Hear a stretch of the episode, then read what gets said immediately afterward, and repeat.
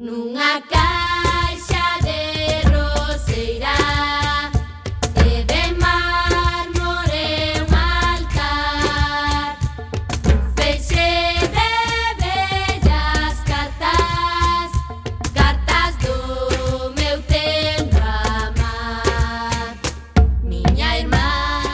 Ola, que tal? Moi boas tardes, recendeiras e recendeiros. Antes de nada, este é o primeiro programa do 2024, así que feliz ano.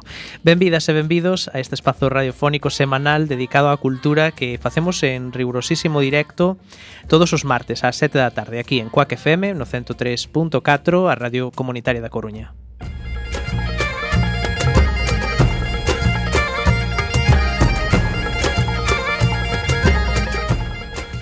A agrupación cultural Alexandre Bóveda presenta este programa que podedes escoitar en directo a través da internet na páxina da emisora coacfm.org barra directo e tamén na aplicación móvil. E se non chegastes a tempo, non tendes excusa. Podes descargar todos os programas xa emitidos no Radioco, o mega podcast da nosa emisora, ou tamén podedes escoitalo na redifusión, que será os mércores ás 8 da mañá, os venres ás 4 da tarde e na madrugada do domingo luns ás 2 da madrugada. E a partir de agora seguídenos nas redes sociais tanto deste programa Recendo como da propia agrupación cultural Alexandre Bóveda, que teñen abertas as súas canles en Instagram, Twitter e Facebook ou na web www.acalexandrebóveda.gal.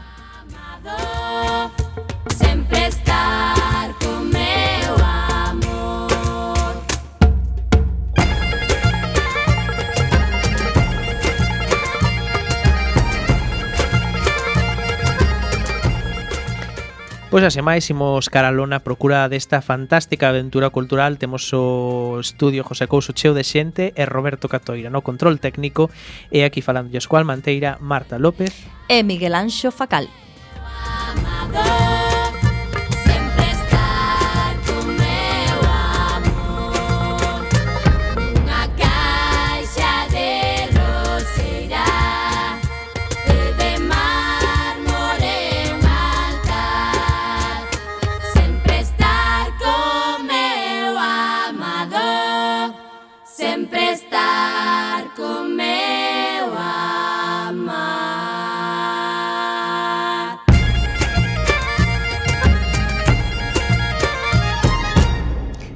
Chegamos ao programa número 455. Hoxe teremos como convidados a Javier Pereira e Antonio Brea, ilustres recendeiros que acaban de abrir a nova librería Arcadia, dedicada principalmente ao libro de segunda man.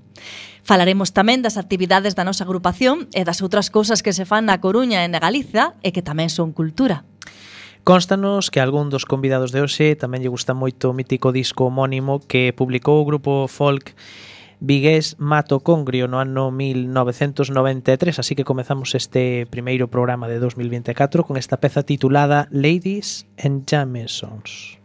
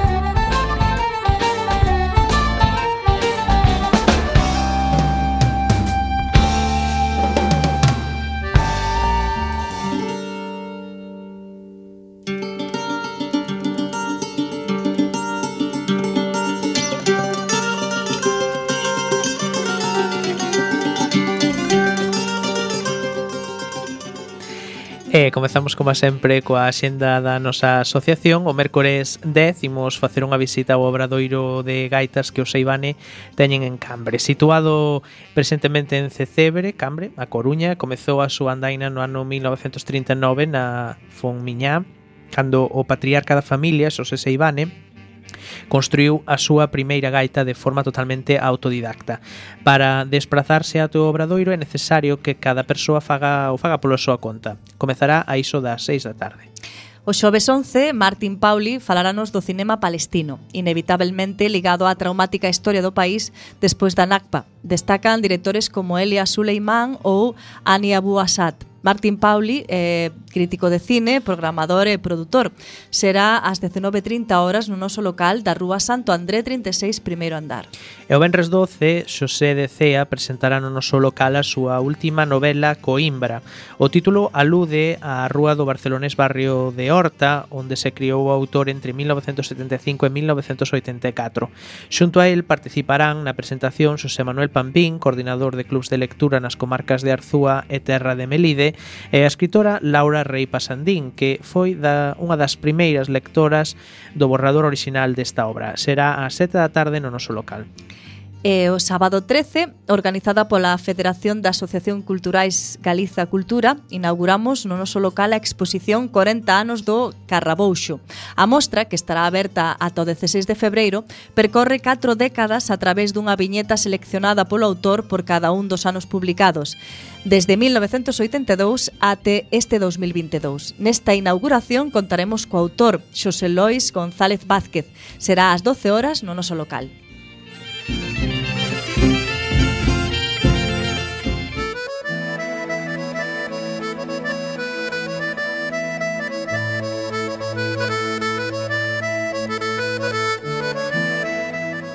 Tempo agora para a xenda da Coruña Comezamos no eido audiovisual Porque a pesares do cambio de ano Prosegue o ciclo de Pier Paolo Pasolini no Cegai. Esta semana podedes ver Edipo, o fillo da fortuna Mañá mércores ás oito e media E eh, Teorema, o xoves 11 e o venres 12 a diferentes horas. O ciclo As mellores películas da historia traerá a Coruña a proxección en versión orixinal con subtítulos de seis dos considerados mellores filmes da historia pola prestixiosa publicación británica Sight and Sound. O ciclo comeza con O apartamento, dirixida por Billy Wilder, eh, Wilder perdón, e con Jack Lemmon e Shirley MacLaine haberá un coloquio con Elvira Lindo. Será o Benres 11 ás 19.30 horas no Teatro Colón. Acordamos é a segunda entrega da chamada cartografía musical de memoria histórica da provincia de Pontevedra, que nesta edición eh, segue a percorrer lugares significativos como Sobredo, Moaña, Lérez, Aira da Arousa, Tomiño e Xiabre. Podedes vela o luns 15 ás 7.30 no Foro Metropolitano en, proseque, un, en prosección da Asociación de Veciños de Oza Gaiteira e os Castros e imos ás artes escénicas. Iria Ares e Xoan Carlos Mejuto, os nosos amigos de Estudo Momento, dan un certo xiro na súa carreira coa súa nova obra Escándalo en Palacio, unha, unha alta comedia ao estilo All Hollywood baseada nunha idea original de Pedro Ruiz. Será no Teatro Colón o sábado 13 ás 20.30 horas e o domingo 14 ás 19 horas. Na edición 14 da Gala de Masia Solidaria Terra de Masia, a beneficio da Fundación Terra de Homes en Galicia, participarán grandes magos como Román García, Nacho Samena, Meigo Rufus, Víctor Noer. E o festival presentará o a xornalista Ana Villagrasa. Será o sábado 13 no Foro Metropolitano con sesións ás 5 e ás 7. A Compañía de Teatro do Andamio comeza o ano 2024 presentando a obra A verdadeira historia dos tres porquiños e o lobo feroz na súa propia sala o domingo 14 con sesións de ás 12:30 e ás 16 horas. Ás 18, perdón ás 18 horas. E agora imos falar de música porque a Orquestra Sinfónica de Galiza tamén comeza o ano cun programa ben sinxelo, a Sinfonía número 9 en re menor de Anton Bruckner, dirixida por Juan Jomena. Será o venres 12, o sábado 13, ás 8 no Pazo da Ópera. E se este ano non poidestes recibir o Aninovo no Music Bering de Viena, non pasa nada. A Strauss Festival Orquestra tocará para nós o Danubio Azul e a Marcha Radensky o domingo 14 ás 19 horas no Pazo da Ópera. O célebre e divertido grupo de vacas dará un concerto na nosa cidade dentro do Rebobina Divas Live, será o sábado 13 ás 8 media no Teatro Rosalía de Castro. E esta fin de semana gustanos varias das propostas da Sala Garufa. O xoves 11 ás 21 horas toca Julián Maeso e o venres 12 ás 22 horas faino Blonde on the Tracks, unha banda tributo a Bob Dylan. E finalizamos esta sección falando de exposicións. Os nosos amigos de Arga celebran a súa exposición de pintura colectiva de Nadal Nadal, que comezou xa antes das festas e rematou 29 de xaneiro, con obras de máis de 30 asociadas. Está na súa sede da Rúa Costa Rica número 1.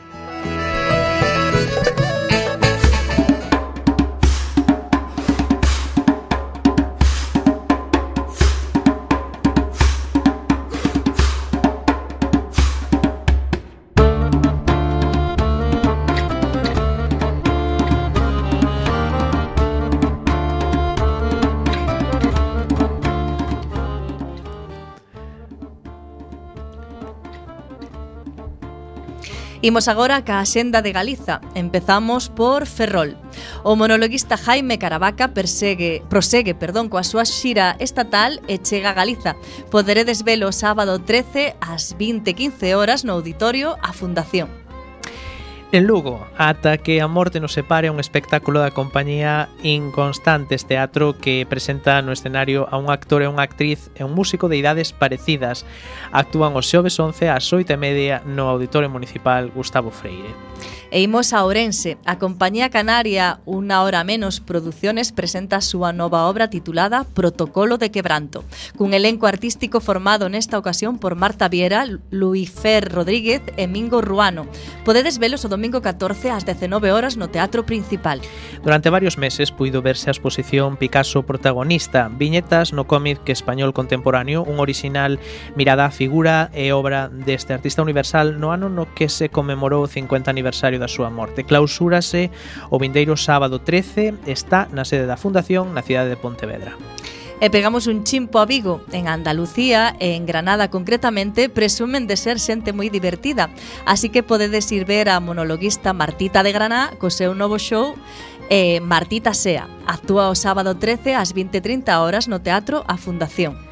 A exposición Peregrinas Ilustradas, organizada polo Encontro Internacional Compostela Ilustrada, amosa obras de 15 autoras en torno a seis camiños de Santiago, ou similares diferentes, da costa, cumano, inglés, do norte, urbano e de inverno. Esta visible ata o sábado 14, como non podía ser outra forma, no Museo das Peregrinacións de Santiago de Compostela.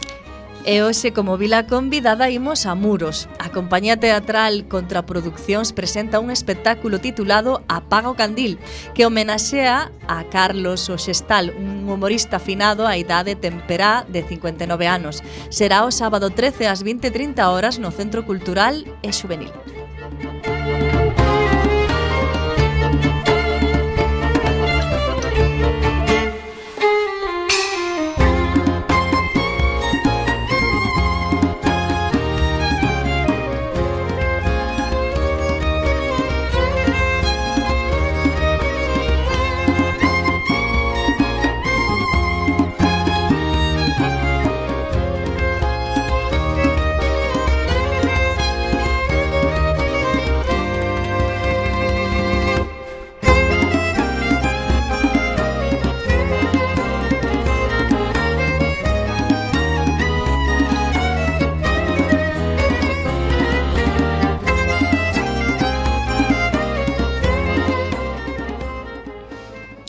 Como sabe a nosa audiencia que nos segue fielmente dende hai 14 anos, Recendo é un programa cultural. A cultura pode plasmarse en moitas manifestacións diferentes, pero seguramente un dos obxectos que todos asociamos coa cultura é o libro, mellor en papel que en formato electrónico xa hai tempo que se dicía que os libros en papel ían desaparecer. Pero algo debe haber de errado neste vaticinio porque segue habendo librerías de primeira man e de segunda man, nas que se venden principalmente libros en papel. E nós hoxe temos connosco a Arcadia, a nova librería de segunda man que abriu hai poucos días nunha cidade na que abundan este tipo de establecementos. Estamos falando de Coruña, obviamente. Que nos saibamos, a súa primeira aparición foi na Feira do Libro Antigo e de Ocasión este agosto pasado. Hoxe temos connosco a dous dos seus eh, fundadores, Javier Pereira e Antonio Brea, dous ilustres recendeiros eh, que en maior ou menor medida seguen colaborando connosco e aos que estamos encantados de recibir na vosa e na súa emisora en Coac FM. Boa tarde, Javier e Antonio. Moi boas tardes. Moi boas. Benvidos. Como senta Gracias. entrar polas portas de Coac FM? Bueno, eh, eu aínda, bueno, foi ano pasado que vin un día, pero xa facía moito tempo que non viño un martes, e bueno, este como dis vos, como dicíades vos, isto é a segunda casa, así que É a nosa ben. casa, cambiamos un pouco as cores, ¿no? Sí, máis acolledor. Eh, en fin, falemos de Arcadia. Eh, que hai que recoñecer que o nome de Arcadia é moi evocador. Cal foi a razón desta elección?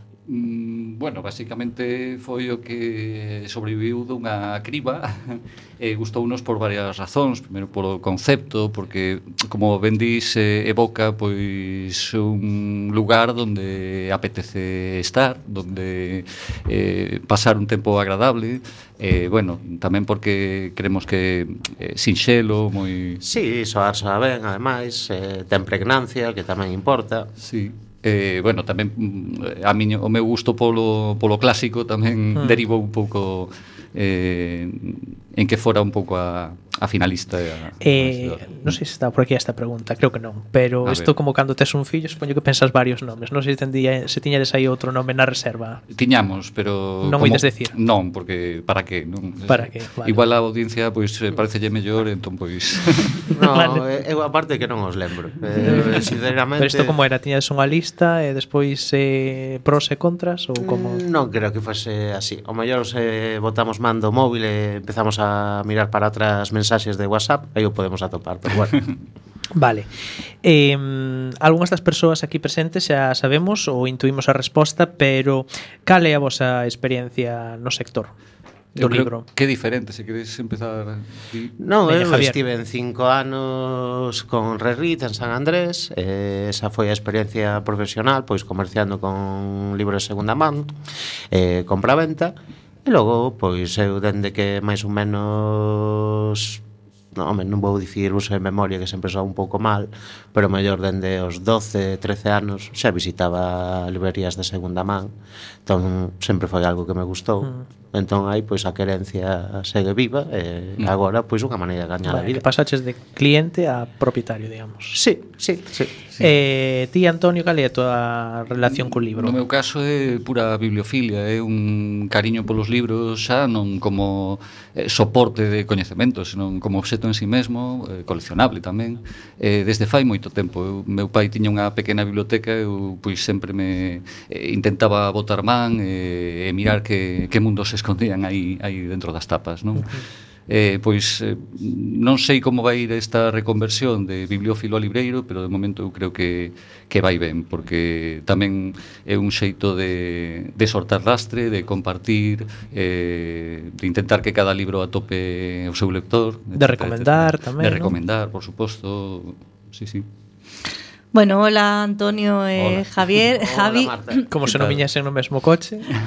bueno, tampouco hai que darlle tantos datos á audiencia, non? Digo que non. Eh, sí, sí, non, porque é, é romper a masia. Romper a masia da, da, da, radio. Claro. A parte que estivo aquí Mariano, se non se escoita isto, bueno. bueno, despois dunha traballosa reforma que nos consta, conseguistes abrir o pasado venres 5 de xaneiro, último sí. día para as compras de, de Reis. Que sensacións tedes destes primeiros días?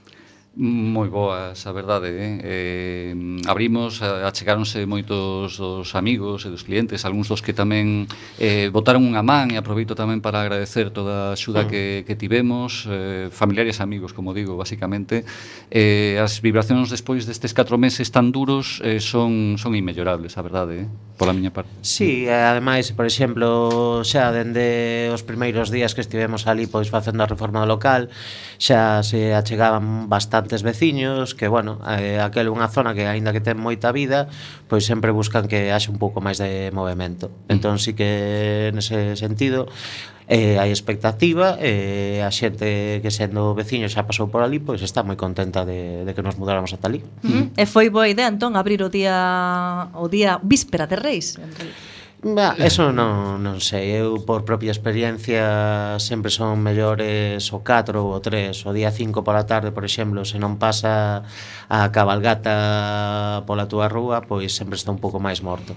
Pero eh, Reis é unha boa época para sí. abrir. Sí. Bueno, non pudestes abrir antes non, tampouco. Non, queríamos ter aberto antes, pero claro, as circunstancias pois fixeron que se retrasara un pouquiño. Porque sabíades, estar... antes de empezar a reforma, sabíades... Eh, ou, non. Eh, non se vos pasaba no. pola cabeza que iba a ser tan traballosa, Eu non? lembro as datas que manexábamos cando foi a feira en agosto-setembro, eu tan optimista que lle dicía a xente, en dous meses está feito, tal. Eh, non sei por que a, algunhas das respostas eran, bueno, para Navidad, non? Eu, non, esperemos que non, pero sí, ao final tiñan razón os clientes como a sempre. Sí, non, máis é que isto por moitos cálculos que fagas ao final sempre atopas pois inconvintes, sorpresas, neste caso sí que non houbo ningunha sorpresa moi desagradável, pero nese sentido pois sí, as cousas nunca van como un quere, pero bueno, mira, aí agora estamos abertos e xa está. É importante. Tamén é verdade que a reforma cometestedes vos Quero dicir que tamén un dos que a xente cando vaya que sepa que tamén que todo ese traballo que, que ven aí que ta, foi foi fostes vos que, que, quen o fixestes. Sí, pero bueno, eso tampouco quere dicir nada, porque maior ti contratas pois profesionais e o mellor tamén aínda se demora máis do, do compensa. Eso aparte. Eu decía máis que nada porque quedou moi ben, eh? Ah, bueno, sí, grazas. eh, sí, ademais tiñamos tamén avantaxes vantaxes do, da propia materia prima, do, do local, de como estaba e tal, que tampouco fixo falta moita profundidade, non? O que sí, pois todo o tema da, da madeira, das estanterías, etc, eh, que é un traballo que efectivamente fixemos nós e do que estamos bastante orgullosos, pero bueno, sí, non, a xente foi... gustalle. Si sí, non, quedou moi ben, é eh, moito traballo. Eh, logo tamén, pois, eh, hai unha cousa que o mellor a xente non se dá de conta, pero encher un espazo tan grande sí. como ese de libros é, é unha cousa que leva moito tempo moito. E, e non e non é sinxelo fixera tampouco, pero bueno. Pois falemos de libros porque Arcadia é unha librería, e o que pasa que non é unha librería, digamos, de libro novo, non? E seguramente uh -huh. moita xente non é consciente do aluvión de traballo pois que hai detrás dunha librería de segunda man. Eh, comecemos co principal, que son os libros e sobre todo coa recollida dos libros usados. Vos ides recoller os libros á casa do cliente ou teñen que leválos á vosa librería? Pois Bueno, ah, hai as dúas modalidades. Eh, O que está claro é que se estamos falando pois dunha cantidade grande de libros. Unha cantidade grande de libros, eso depende de cada persoa. Eh, para nós unha cantidade grande de libros eh, pois empezas a contar ante, o sea, despois de 100 pero para outra xente 25 xa é moito libro. Nos agora mesmo se queren que vayamos ás súas casas, non hai problema. E incluso preferimos irnos ás casas, que é moito máis sinxelo para nós a hora de decir que o que nos interesa e que non. E aparte logo eles non teñen que leválos de volta. Mm. Pero bueno, eh, tanto en casa como na librería, non sen problema. Vale. Eh, bueno, supoño que habrá moitas razóns, non? Pero mm, cales crees que son as principais eh, causas ou razóns da, das, desas grandes doazóns que enchen as vosas estanterías? Pois, eh, en primeiro lugar, tamén, eu supoño que unha, un proceso normal de, de limpeza de vez en cando, os pisos tamén cada vez son máis pequenos. Claro, hai xente eh, que compra moito libro e ocupan hai, espazo, Hai un ¿no? punto de reciclaxe tamén, non? Eh, persoal neso. Eh, o desexo de, bueno, tamén non pode ser secundario, pero bueno, de que eh, dá pena tirar tamén eh, libros a, ao lixo, eh, pois esa pretensión de que teñan unha, unha segunda vida é, é moi loable, non? Sí, non, eh, o que está moi claro é que eh, a xente non quere tirar os libros. Eh, dicir, eh, danlle o valor que, que ten. Eh, ben é certo que incluso a xente que non é moi lectora ou que non ten, pois digamos ningún tipo de simpatía polos libros é consciente de que é un obxeto que, que é valioso que non pode acabar na basura. Sobre todo porque hai xente que non ten acceso pois a, a, a lectura. Entón, aínda así, eh, non os tiran. E logo tamén hai que ter en conta que as defuncións e os divorcios tamén xeran moito do, dos Mira, toques. non pensáramos sí, iso. Eh? Sí, sí. Eh, eu, eu ese respecto de que mm, cando, por exemplo, vivía en Barcelona, había pois un local que mm, normalmente vaciaba pisos, eh, gañaba os cartos cos mobles, pero tamén inevitablemente chegaban libros, non? E un notaba cando precisamente finaba alguén porque chegaba unha remesa e de algún xeito esa selección de libros decía moito da persoa propietaria, non? Incluso pois cousas que se deixan eh, no medio dos libros, eh, ás veces atópanse, non? Cartas, algunha foto, etc. E dá un pouco de... Se que hai unha historia hai detrás de, de cada libro, sí, non? Sí, porque conecta, ao final hai unha especie de conexión casi non sei, eh, especial, non? Con, con ese, ese traspaso de, dos libros que van dunha man a outra, non? Co tempo. Mm. Notase que Antonio enamorado dos libros. Sí. Eh, eh, don, eh, falando dos libros, eh, desta querencia polos libros, non sei que vos parece a veces cando se ve así perto de algunha eh, que a xente deixa os libros así na rúa perto do, do lixo para tirar. Que, que, que vos pasa pola cabeza? Eu penso que moita xa desta xente que deixa os libros en riba do contenedor e tal, máis que nada porque coñezo unhas cantas persoas que, que se dedican a iso, fano coa, espere, coa esperanza de que alguén os recolle. E recollen, sabes? Eh, que os recollen. Mm. Entón, pero xa che digo, eh, a xente non sabe tirar libros eso por descontado, e cando aparecen ali en riba do contenedor é porque están esperando que alguén os leve. Eso sí, recomendamos a calquera persoa que este escoitando que ou ben nós ou outras librerías de segunda man que se poidan achegar e que se queren doalos ou incluso recibir cartos por eles que vai ser mellor, uh -huh. porque ás veces chove, evidentemente. Claro, iba a dicir, eh, ás veces chove e botanse a perder os libros.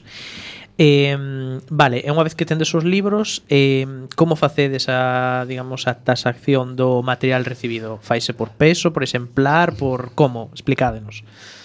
A tasación, bueno, a tasación Supoño que moitos, revisaredes, Claro, non? hai moitos factores o, o estado do libro a, eh, a cantidade de exemplares que haxa e a rareza tamén é un valor a ter en conta eh, hai bastante, bueno, se tapa dura ou tapa blanda e tamén un pouco mm, examinamos un pouquiño o mercado como está, non? Pero bueno, intentamos tamén ter prezos eh, normalmente a baixa eh, bueno, dándolle o valor que eh, que creemos que ten cada libro, mm, pero pero deixando precios moi populares, non? Por eso mm. tamén xogamos co, co esto que temos e, e demais. Na parte hai que ter en conta que non é o mesmo pois tasar un libro, porque hai xente que ven a vender un só libro, a que ti teñas que ver un lote, pois que mellor que son 3.000 libros. Uh -huh. Entón, claro, un a un non os podes revisar. Entón, aí, ao final, o que se impón moitas veces é unha negociación coa xente que os vende. Uh -huh. Claro, porque iba a decir, ahora que mencionaches, pois a tirada que ten un libro, eh, para averiguar eso hai, hai unha labor de investigación de cada libro que ten que dar moito traballo, non?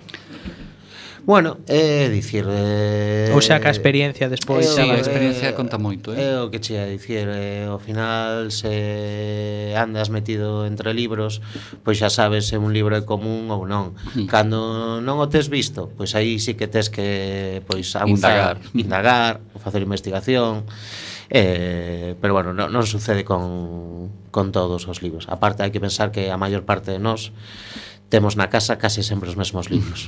É dicir, eh, raro é unha casa onde non atopes eh, La colmena de Cela, por exemplo. Ou aquelas coleccións que vendía la Voz de Galicia. Exactamente, tamén, tamén, tamén. Bueno, o Quijote.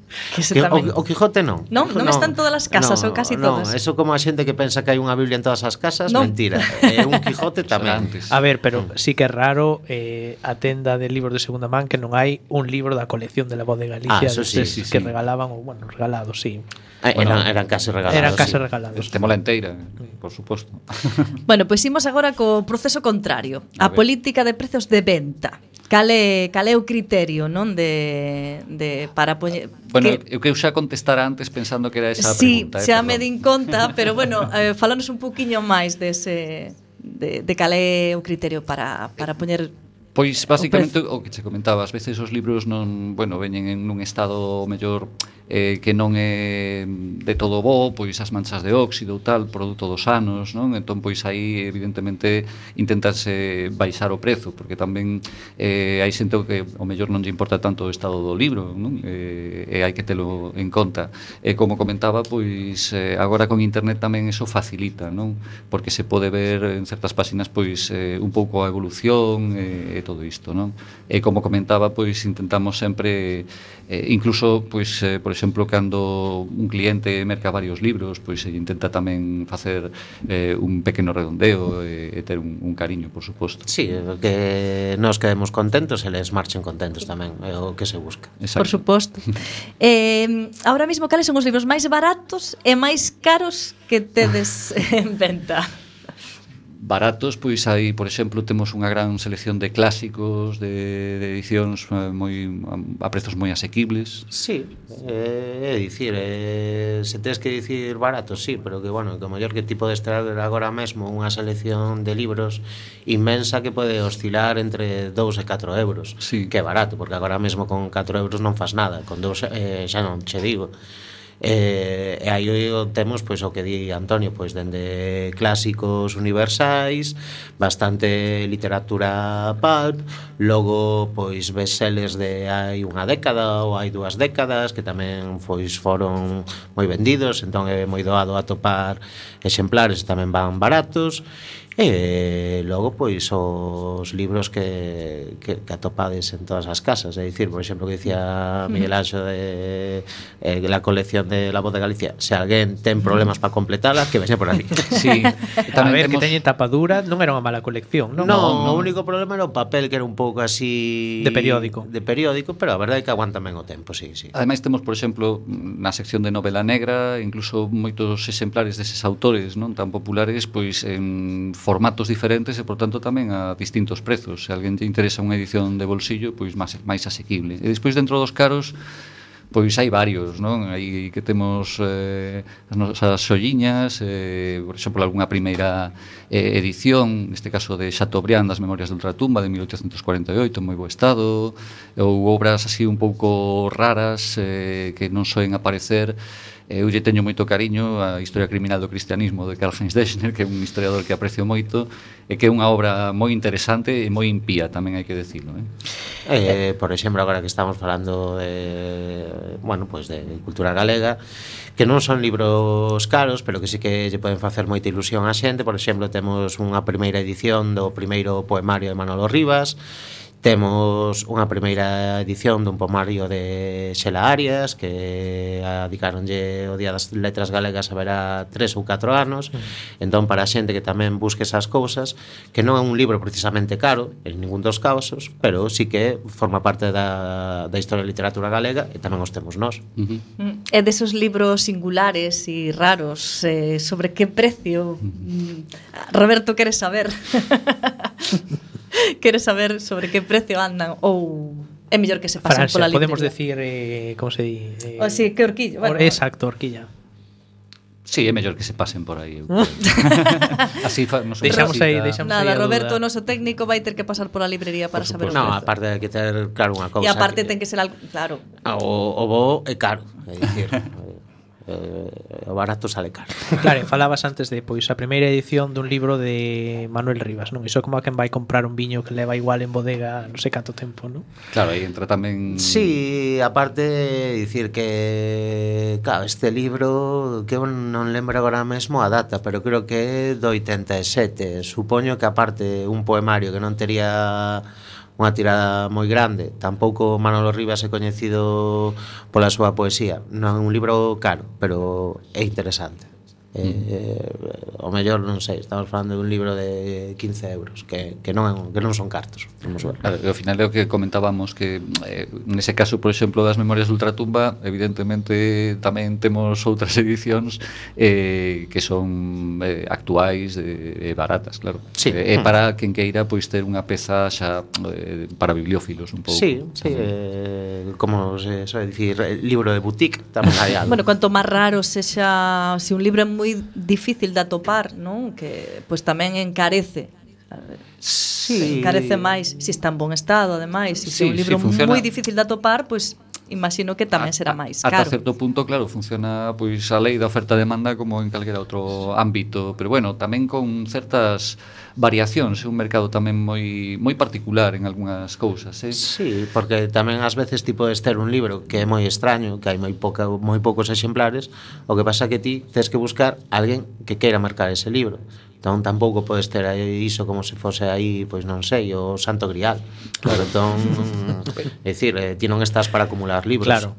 E tamén hai que ter en conta que ás veces pois funcionan tamén as modas, ou mellor un libro esquecido ou un autor esquecido de repente por algún razón pois ponse outra vez de moda ou ase, por, hai unha adaptación, pois por exemplo televisiva, etcétera, non? E, e que modas funcionan agora? Que é o que lea a xente? E, bueno, por exemplo de Asimov da Fundación, pois tamén volveu a, a poñer un pouco eh, en boga ou cando foi a adaptación de Eh, Los renglones torcidos de Dios de Torcuato Luca sí, de Tena, por exemplo, pois sí, sí, que era un libro que moita xente pois pensaba Torcuato Luca de Tena, si, sí, home, si sí, vou mercar un libro deste tipo. Esa é a película mm. e agora hai que lelo. Por certo, é unha boa, no, é unha boa novela, a película non o sei, pero a novela é unha novela interesante. Sí. E logo as modas son moi extrañas, porque todo isto moitas veces ven de internet. Houve aí atrás que preguntaban por as meditaciones de Marco Aurelio. De Marco Aurelio, pensábamos, vale, as meditacións de Marco Aurelio, aparte xente nova. Un día collín un rapaz e preguntei, primos, ver, por que as meditacións de Marco Aurelio? Entón díxome que había moita xente que se adicaba a facer vídeos sobre criptomonedas que aludían a, a este libro pola asunto, claro, estamos fa falando de un tipo que é un estoico, eh, Marco Aurelio. Entón parece ser que ti para adicarte ás criptomonedas tes que ser un, pouco, un pouco estoico, en plan, aguantar aí, holdear, como din eles, entón eh, recomendaban ese libro. Entón de repente, pois unha chea de rapaciños preguntando por o, as meditacións de Marco Aurelio. Pensei que ibas decir que yo mandaban ler nas aulas, bueno, pero bueno, es... No, polo da, polo de agora penso que, que, no, que nas escolas non torturan tanto. bueno, bueno, eu recomendo a Marco Aurelio ferventemente, eh? creo que o estoicismo non só vai para, para as, as criptomonedas, senón tamén noutros ámbitos. Aquí no, li, no mundo dos libros eh, o tema influencer tamén supoño que pegará forte, entón, non? Quero sí. decir, si, si un influencer di, pois pues mira, este libro é unha maravilla Maravilla, todo o mundo a buscar ese libro. Pois eh, ás veces sí, sí, tivemos algunha experiencia con, por exemplo, algún comentario no, nun, algún programa de televisión falando de algún libro e que nos veñan a preguntar por el tamén, sí, sí. Sí, por exemplo, tamén agora que falamos de televisión é curioso eh, cuarto milenio de Iker Jiménez. Exacto. Cando sae el ou tipo este Soto Ibars, Soto Ibars falando dun libro, o luns o martes seguinte vai vir alguén preguntando por ese Os libros libro. prohibidos. Sí, sí claro, os claro. de Soto Ibar, sí, sí, a sí. sección. Así que é unha cousa extraña, aparte o que soe pasar nestes casos, pois moitas veces tamén é digamos, as diferentes xeracións. Eh, eu non estou atento ao que consumo un rapaz de 20 anos, pero ao final, pois, acabaste enterándote máis que nada porque veñen por ali a preguntar. Mm. Eh, se tiras un pouco do fío, dis, ah, vale, É por isto que teñen agora interés. Pero se podo facer un pequeno comentario, mm, ao final sí. hai algo que resiste que supera as modas que son os clásicos precisamente, non? Eh, que son se supón que aqueles aquelas obras que precisamente resisten o paso do tempo, que lle falan directamente mm, ás xeracións futuras, non? E que resisten calquera se sacuden o po de calquera crítica e de calquera eh, mm, parafernalia teórica que lle poidan eh, botar en riba, non? Entón, pois, aí tamén hai que hai que poñeros en valor e... Eh... A ver, un clásico que nos recomendes?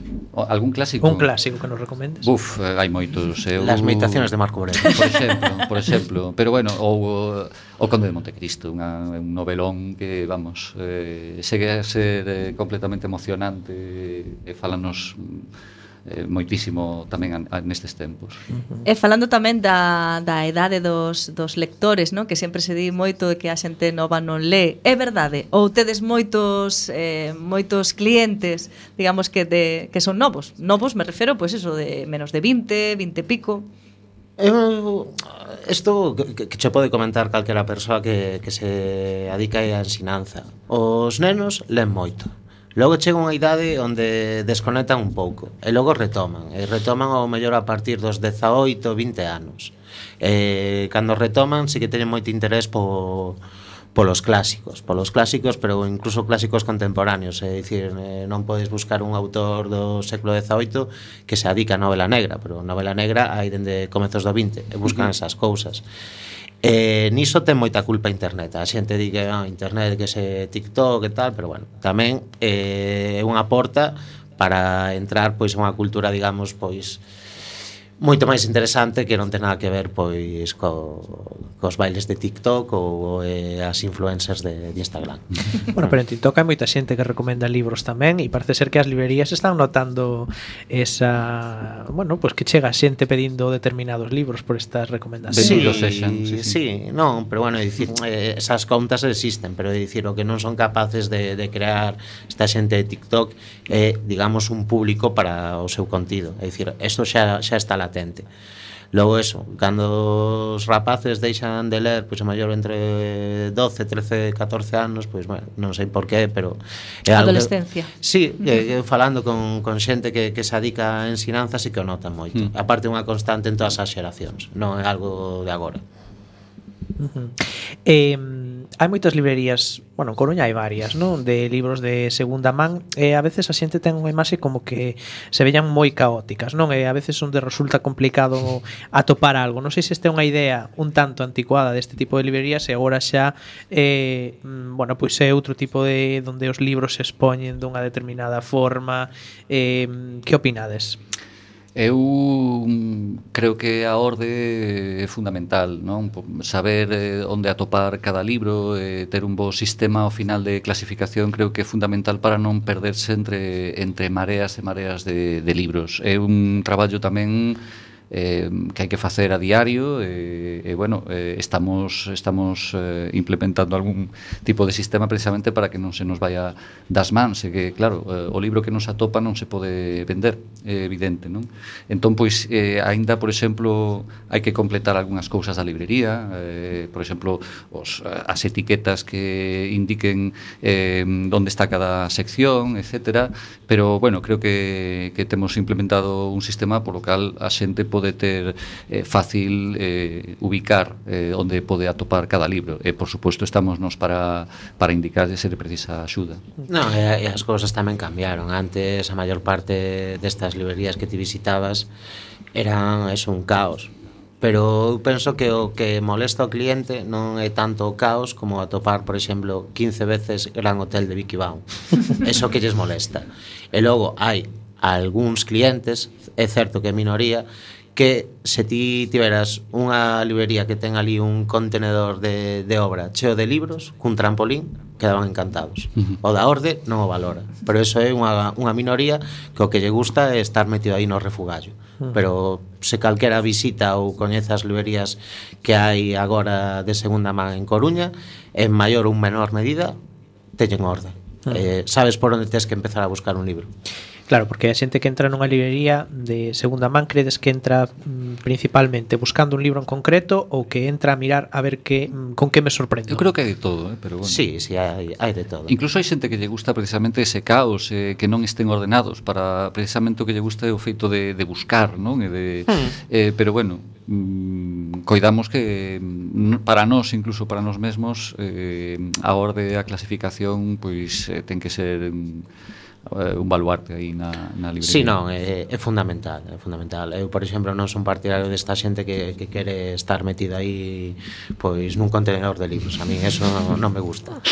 Pero logo tamén eh, é certo que o mellor sí que ás veces hai que facer un pouco de didáctica, sobre todo con xente nova ou que son lectores, digamos, non precoces pola idade, senón que están retomando agora a lectura, non coñecen este tipo de negocios e ao mellor veñen buscando nun libro en concreto, o cal non está mal, pero o divertido e o interesante é botar un ollo e atopar aquelas cousas co, coas que non contabas. E logo tamén hai que pensar que, bueno, pois hai xente pois que polo poder adquisitivo e porque ademais teñen fillos, teñen que recurrir a estas librerías porque senón o desastre que se lle fai nos petos é, é moi mm. grande. Eh, falemos tamén do libro en galego. Na vosa librería en Arcadia ten unha sección ou eh, o libro en galego eh, unha sección independente ou están, eh, digamos, repartidos por toda a librería? Son seccións in independentes. Mm. É dicir, eh, ti tes unha sección, digamos, del libro en galego para adultos e logo tes unha pois infantil e, e juvenil. Mm aparte unha das cousas que máis lle gusta a xente é que ti teñas unha boa sección do libro en galego. Mm. unha cousa que valora moito. É que este tamén así nunha sección credes que axuda tamén a darlle máis visibilidade ou? Sí, sí, ademais é que non telos así nun, nunha sección independente é un erro. Sí, a verdade que sí, porque tamén, claro, é un dos criterios que, que se busca para, eh, para atopar ese libro precisamente. Bueno, sabemos que estuvestes na Feira do Libro sí. Bello en agosto, antes de, de abrir, e creo que, bueno, como experiencia, que tal? Contádenos algo Foi desa... toda unha experiencia moi intensa, eh, pagamos tamén a, bueno, a inexperiencia, porque hmm. estábamos un pouco sin saber como funcionaba eso, pero foi moi interesante, foi tamén unha aposta de largo, no sentido de que precisábamos tamén darnos a coñecer, dar a coñecer este proxecto, eh, creíamos que era o, o, o lugar idóneo, non? E a verdade é que como experiencia foi foi extraordinaria e a nosa intención é, é continuar e, e que as feiras tamén formen parte da, eh, da nosa labor. Sí, eh, a verdade é que sí, eu nunca estivera nunha feira pois vendendo, E a verdade é que, que sí, aparte un dase de conta de que digamos que a clientela é diferente, E supoñemos que este ano faremos pois o mellor Santiago, Vigo, Coruña e o mellor que hai algunha máis, pero bueno, aínda está por decidir. Moi ben. Eh, falamos tamén, eh, bueno, estamos falando con eh, Javier e Antonio da librería Arcadia, pero antes de continuar, queremos, eh, antes de terminar o programa tamén, eh, falar con Joan Evans, que eh, é de Ecoloxistas en Acción. Sabedes que estes días chegou ás costas galegas Pois eh, un vertido de, de pellets E eh, mm, queremos que nos conte un pouco como, como están vendo eles a situación. Xoan Hola, boa noite. Hola, boa tarde, boa noite. Bueno, antes de nada, grazas por atendernos. Eh, sabemos que estes días estaredes recibindo un montón de chamadas.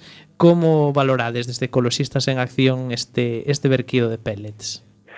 Ben, nos, eh, hoxe pola mañá presentouse en Noia nos Xulgados unha denuncia penal contra contra a empresa armadora responsable do, do, do vertido E, por outro lado, pois, estáse dando apoio e tamén organizando un pouco o traballo da, da sociedade civil eh, desde moitísimas organizacións que estes días, estas semanas, están votando pois, a, a facer o que non ten feito a administración, non? que é limpar, eh, na semana pasada, sobre todo, retirando os sacos antes de, de que romperan as rochas, e, eh, e agora pois, é un traballo moito máis minucioso e complicado de, de ir quitando bola a bola, non? E temos por moitísimos, eh, casi diría, centros a a altura de kilómetros de costa, máis de 10 espacios naturais protegidos.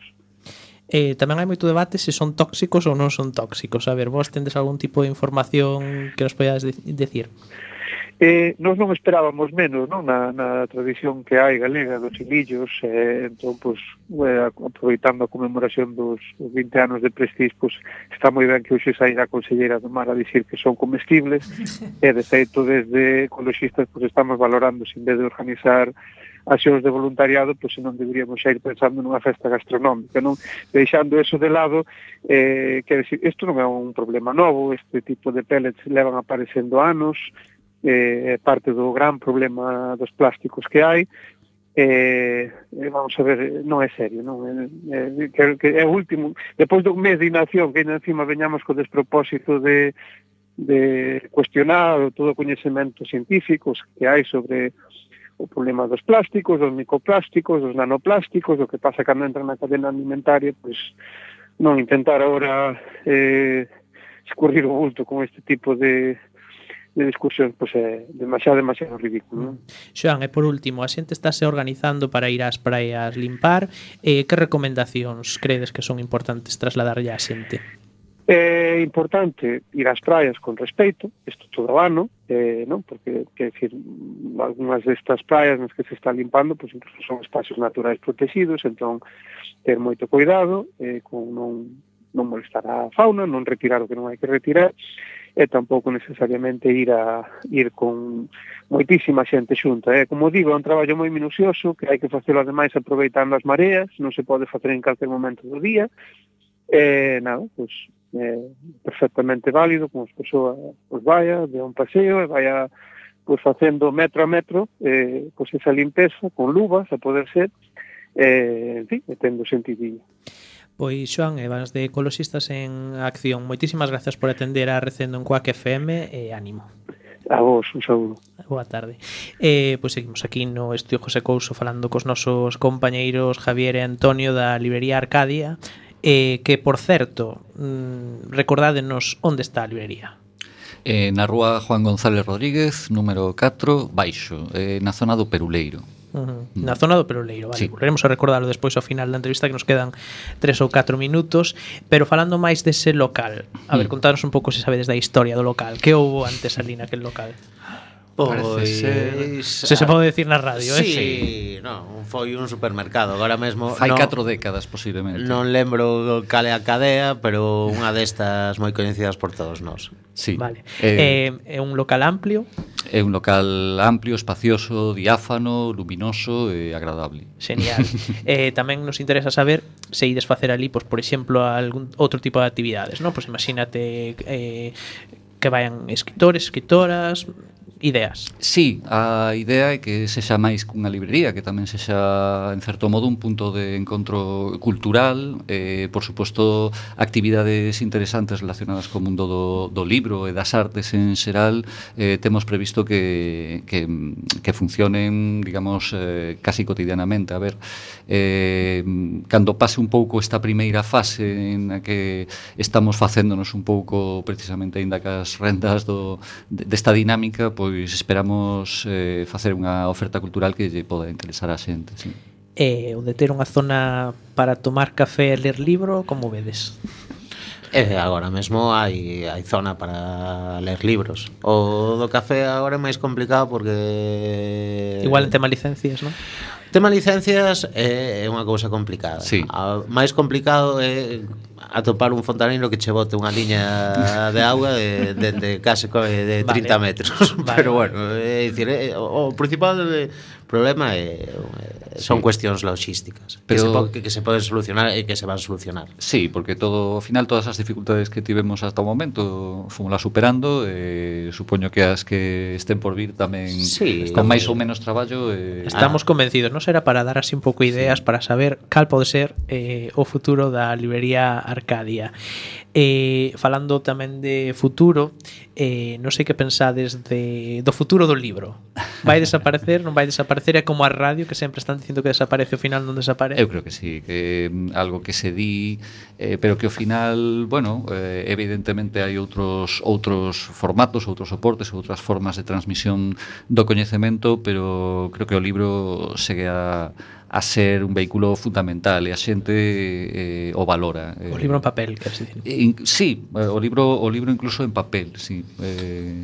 Sí, no, de feito eu cando estudiaba, pois hai máis de 20 anos, lembro que non sei se foi o New York Times ou The Guardian que nunha reportaxe daba por morto o libro en papel no 2023 mm. eh, errados de, de, de cabo a rabo aparte, hai outra cousa, por exemplo o que se supoña supoñía que se ia, digamos, sustituir o, o libro físico e a ser o ebook. Eu come, eh, coñezo unha ollón de xente que non emprega o ebook, está lendo en tablets ou móviles, que non, non o recomendo para a vista, que é malísimo. Exacto. Un ebook funciona ben, pero que, digamos, o, o inimigo non nunca chegou a poñer, a posicionarse mm. moito por riba do papel, así que e o libro tampouco o libro en papel tampouco se llega hasta a batería, non se hasta a batería. Etcétera, etcétera. E por certo que falando outra vez de TikTok, a xente que recomenda en TikTok normalmente adoita recomendar a maioría sí. deles adoita mm. recomendar o libro físico en papel, é dicir sí. como que ten un valor engadido, non? Ou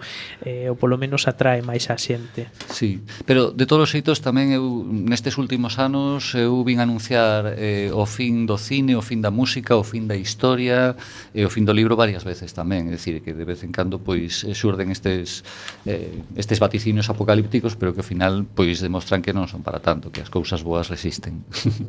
Bueno, e para rematar, eh, bueno, recordádenos outra vez onde estades para que quede claro a nosa audiencia. Pois estamos, Horario de apertura. Sí, na Rúa Juan González Rodríguez número 4 baixo, eh, o horario de luns a venres eh, será de 10 e media a 2 e media e de 4 e media a 8 e media.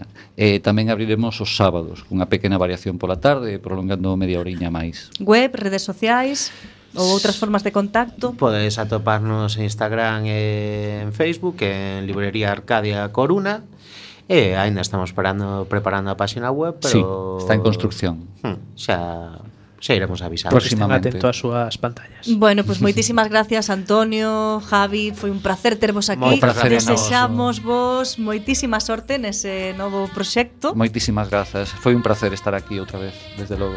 Eh, sen tempo